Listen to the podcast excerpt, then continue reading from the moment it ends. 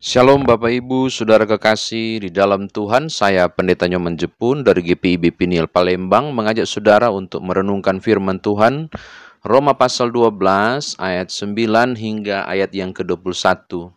Roma pasal 12 ayat 9 hingga ayat yang ke-21 sebelumnya mari berdoa.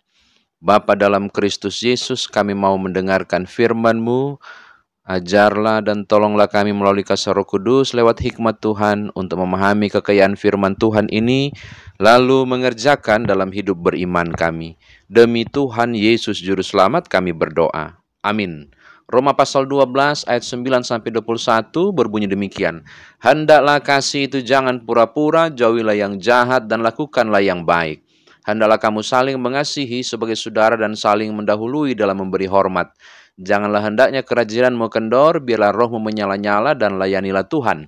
Bersuka citalah dalam pengharapan, sabarlah dalam kesesakan, dan bertekunlah dalam doa. Bantulah dalam kekurangan orang-orang kudus, dan usahakanlah dirimu untuk selalu memberi tumpangan. Berkatilah siapa yang menganiaya kamu, berkatilah, dan jangan mengutuk. Bersuka citalah dengan orang yang bersuka cita, dan menangislah dengan orang yang menangis Hendaklah kamu sehati, sepikir dalam hidupmu bersama.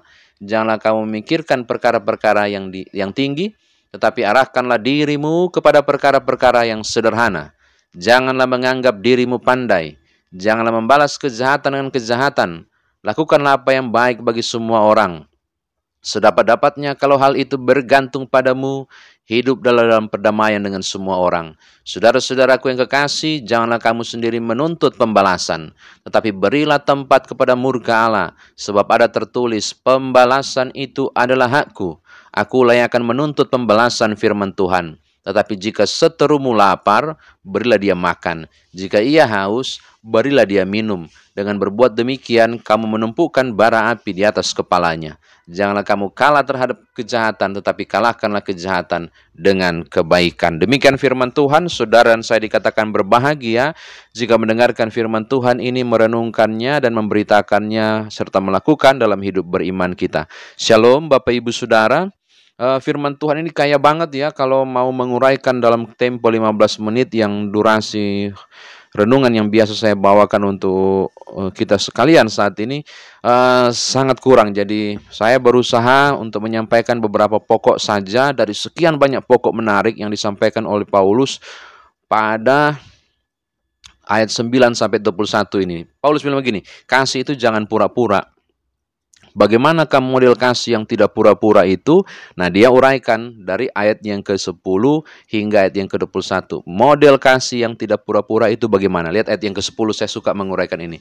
Hendaklah kamu saling mengasihi sebagai saudara dan saling mendahului dalam memberi hormat. Tahu ke saudara terjemahan dari teks ini kalau dipakai uh, uh, teks Yunani itu te Philadelphia eis aleus philoterogoi tetime alous este progogeu menoi.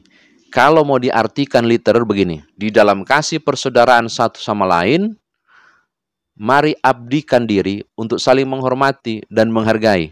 Nah, sayang sekali Lembaga Alkitab Indonesia tidak menerjemahkan kata preogomenoi yang berarti menghargai.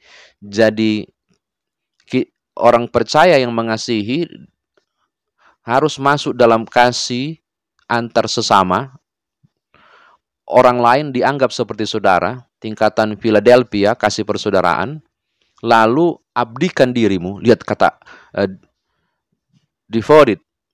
Devoted, devoted ini uh, mengabdikan, mengabdikan diri untuk saling menghormati dan menghargai.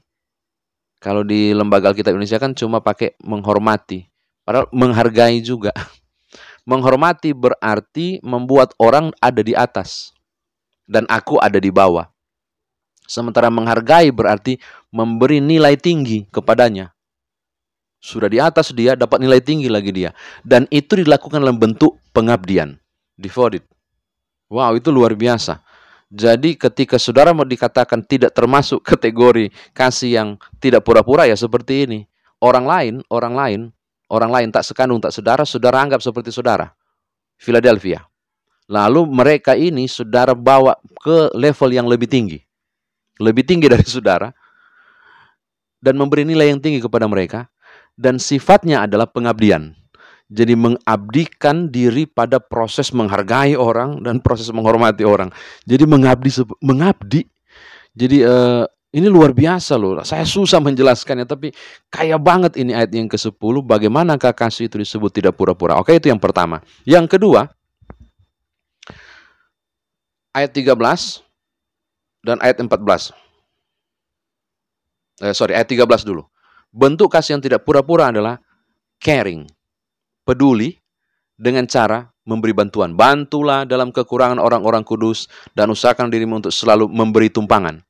Maksudnya adalah pada tahap berikut, kasih yang tidak pura-pura adalah uh, sense of humanity, sense of belonging, rasa peduli, peka terhadap kebutuhan orang lain, peka terhadap orang lain yang perlu dibantu, peka bahwa dia punya kekurangan dan aku harus menutupi kekurangannya. Itu itu ayat 13. Itu yang dikategorikan sebagai kasih yang tidak pura-pura. Meningkat ke hal yang lebih tinggi, wah luar biasa. Lihat 14, coba lihat. Berkatilah orang yang menganiaya kamu. Kemarin saya sudah bilang kan, kata berkatilah ini dari kata barak yang berarti jalin hubungan yang dalam. Orang sakiti engkau, kata Paulus, orang aniaya engkau, jangan kau jauhi. Sebaliknya kau jalin hubungan yang dalam. Kau doakan dia, engkau doakan dia supaya berhasil. Engkau lakukan hal yang oh aduh, tidak mudah ketika kemudian dalam kondisi konflik saudara justru diminta untuk jalin hubungan tetap dalam. Silaturahmi nggak terputus. Sudah, lalu kemudian kasih yang tidak pura-pura itu ayat 15 mengungkapkan Engkau mampu menangis dengan orang yang menangis. Engkau mampu tertawa dengan orang yang tertawa. Engkau meminjam sepatu orang lain. Maksudnya adalah, kalau saudara memakai sepatu orang lain, dia rasa sempit, saudara juga merasa sempit dan sakit. Jika dia merasa nyaman, saudara juga akan merasa nyaman. Jadi di dalam kenyamanannya, engkau merasa nyaman, dan dalam tangisnya, engkau juga turut menangis. Kasih yang tidak pura-pura itu mampu untuk merasakan. Eh, merasakan apa yang dialami orang lain. Selanjutnya, uh, saya lompat Bapak Ibu di ayat 17 sampai ayat yang ke-21. Janganlah balas kejahatan dengan kejahatan, caci maki dengan caci maki. Bapak Ibu, membalas ke, ke kasih dengan kebencian itu kejahatan.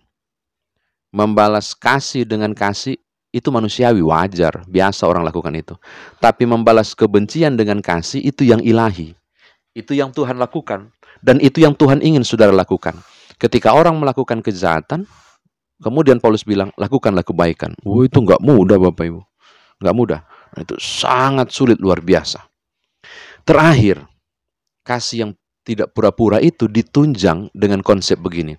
Sebab, jika kita melakukan kebaikan kepada orang yang jahat, jika kita memberi makan orang yang menjadi musuh kita, jika kita mengerjakan hal yang baik dan tetap baik, di saat dia tetap berupaya mengerjakan kejahatan, pasti kan ada orang tanya, lalu apa untungnya? Saya bikin baik, dia tetap bikin jahat ke saya. Paulus bilang begini, lakukanlah yang baik. Kerjakan yang baik, beri makan musuhmu. Kerjakan yang baik walaupun dia melakukan yang jahat. Apa efeknya? Bapak Ibu ngeri ayat 20. Di saat engkau melakukan kebaikan kepada orang yang menjahati engkau, perhatikan baik-baik, engkau sedang menumpukan bara api di kepalanya. Eh, bara api itu berarti hukuman yang tidak langsung yang sedang diberikan dan disiapkan oleh Allah. Ngeri loh Bapak Ibu. Kutukan. Di mana keuntungan saya? Saya tidak boleh balas. Mengapa? Karena pembalasan itu hak Tuhan. Tapi ketika saya mengerjakan kebaikan kepada orang yang jahat, bara api ada di kepala orang itu. Dia siap dihukum oleh Allah. Eh, konsep ini penting supaya orang mampu mengalahkan kejahatan dengan kebaikan di ayat yang ke-21. Dan saya mau katakan kepada saudara, ini tidak mudah. Ini kalau diuraikan lebih dalam, wah berat banget. Saya kira itu dulu firman Tuhan ditafsirkan bagi kita. Nah sekarang bagaimana kita bawa dalam kehidupan beriman kita. Bapak Ibu, di tiap perjalanan saudara, selama Bapak Ibu berjumpa dengan orang lain, dan saya yakin Bapak Ibu pasti akan berjumpa dengan orang lain, kecuali Bapak Ibu tinggal di hutan sendiri, maka tidak akan konflik. Sebab konflik itu selalu melibatkan dua orang atau lebih. Pergesekan akan terjadi jika ada dua orang atau lebih. Maka setiap terjadi perjumpaan antara dua orang, suatu saat akan terjadi pergesekan. Betul kan? Saudara akan mengalami percekcokan dan pergesekan itu. Akan terjadi sesuatu yang besar dalam pergesekan dan kemudian barangkali mengalami kepahitan. Saudara terluka dan lain sebagainya. Di saat itulah saudara diuji tentang apakah kasihmu tulus atau kasihmu pura-pura. Sebab menurut Paulus, tidak peduli konteksnya apa. Engkau nyaman atau tidak, dia baik atau tidak, dia mengasihi atau tidak, dia buat jahat atau tidak. Paulus bilang nggak peduli. Kasih yang tidak pura-pura adalah kasih yang dilakukan tanpa memandang situasi. Perhatikan baik-baik. Kasih yang tidak pura-pura adalah seperti yang saya uraikan tadi. Yaitu kasih yang dilakukan tanpa memandang situasi. Banyak orang melakukan kebaikan karena menggunakan kata karena. Saya bikin baik supaya saya dapat ini. Saya mengasihi dia karena dia mengasihi saya. Saya mengupayakan apa pun agar dia melakukan itu. Itu kasih yang pura-pura. Kasih yang tidak pura-pura adalah kasih yang tak uh, tanpa alasan. Seperti ini. Dia mengasihiku meskipun dia tidak mengasihi, uh, aku mengasihiku meskipun dia tidak mengasihi aku. Aku mengerjakan hal yang baik kepadanya walaupun tiap hari pakai walaupun dia bikin kejahatan. Ini kategori kasih yang tidak pura-pura. Maka hal yang pertama saya mau katakan begini kepada Bapak Ibu. Jika saudara berani mengatakan, aku mau mengasihi, dan pada diriku ada konsep kasih, maka kasih tidak dipengaruhi oleh situasi. Uh, kalau tidak, maka saudara terkategori memiliki kasih yang pura-pura. Ini yang pertama. Hal yang kedua, Bapak Ibu, melepaskan pengampunan tidak mudah. Karena ternyata secara tidak langsung ayat 9 sampai 21 mau bicara soal itu. Apa pun yang terjadi jangan balas kejahatan dengan kejahatan, caci maki dengan caci maki, tetapi berkatilah musuhmu, berkatilah orang yang menganiaya. Berarti apa itu? Ini konsep untuk melepaskan pengampunan seakan seakan dia tidak mengerjakan kejahatan untukmu. Bapak Ibu ini tidak mudah. Uh, kalau saudara mengatakan mujizat terbesar yang dibuat oleh Yesus adalah uh, membangkitkan orang mati atau menyembuhkan yang sakit, saya mau bilang salah. Uh, mujizat terbesar yang dibuat oleh Yesus adalah mengerjakan kasih. Begini Bapak Ibu, andai kata, mari kita berandai. Bayangkan Yesus dalam posisi benar kan? Lalu dia disalib. Baru ada yang bilang, tunjukkan kuasamu kalau kau memang anak Allah. Coba Mi, coba tunjukkan bahwa engkau, engkau adalah sungguh-sungguh Allah yang Allah yang luar biasa. Bapak Ibu, kalau saya jadi Yesus, sudah saya benar, saya tetap dianiaya, mereka tidak hargai pengorbananku. Maka secara manusiawi kalau saya jadi Yesus, kalau saya ya, saya akan turun dari salib. Saya akan buktikan bahwa saya Allah. Saya akan turun dari salib dan saya tampilin mereka bolak-balik. It, itu nature, itu natural sekali, itu manusiawi. Tapi andai kata Yesus turun dari salib, keselamatan tidak terjadi. Andai kata Yesus turun dan tampilin bolak-balik, misi gagal. Sebab misinya bukan menghukum, tapi justru mengampuni. Jadi kalau saudara mengatakan mujizat terbesar yang buat oleh Yesus adalah membangkitkan orang mati atau apa pun mujizat yang lain, enggak. Mujizat terbesar adalah ketika dia melepaskan pengampunan yang luar biasa tanpa alasan walaupun situasi tidak tepat. Maka hal yang sama saya mau katakan begini kepada saudara. Jika engkau mengasihi karena dikasihi, itu manusiawi. Level orang Kristen bukan di sisi manusiawi. Level saudara saya adalah di level ilahi. Yaitu aku tetap mengasihi walaupun aku mengalami kejahatan. Sebab membalas kasih dengan kasih itu manusiawi. Tapi membalas kebencian dengan kasih itu yang ilahi yang Tuhan buat. Dan bukankah saudara dan saya dipanggil untuk itu? Maka kekristenan dipanggil melampaui batas. Tapi kan kenapa orang lain orang lain mereka nggak selevel dengan saudara. Level saudara adalah level ilahi. Sebab saudara dipanggil untuk serupa Kan kemarin saya bahas tentang segambar dan serupa dengan Allah. Saudara dipanggil untuk menjadi ciptaan Allah yang menggambarkan tentang Allah. Maka tindakan-tindakan ilahi harus saudara lakukan. Apa itu? Mampu membalas kejahatan dengan kebaikan. Membalas kebencian dengan kasih. Terakhir, tidak mudah loh. Tidak mudah, tidak mudah. Baru muncul ayat 11 sampai 12. Enggak mudah. Maka supaya jadi mudah, lihat ayat 11. Jangan kendor. Tetaplah menyala-nyala. seakan engkau sedang melayani Tuhan. Ayat 11 bilang. Dan kalau di titik itu engkau kesulitan, bersukacitalah dalam pengharapan. Sabarlah dalam kesesakan.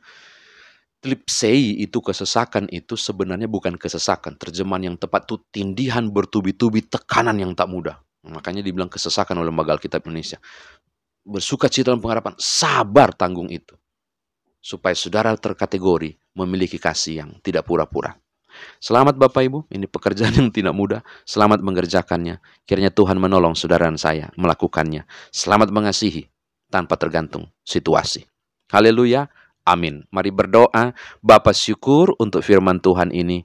Kami sungguh mendapatkan pelajaran khusus tentang kasih Allah, tentang tidak pura-pura. Sulit Tuhan, berat menghadapi kenyataan, menghadapi pergesekan, tidak mudah.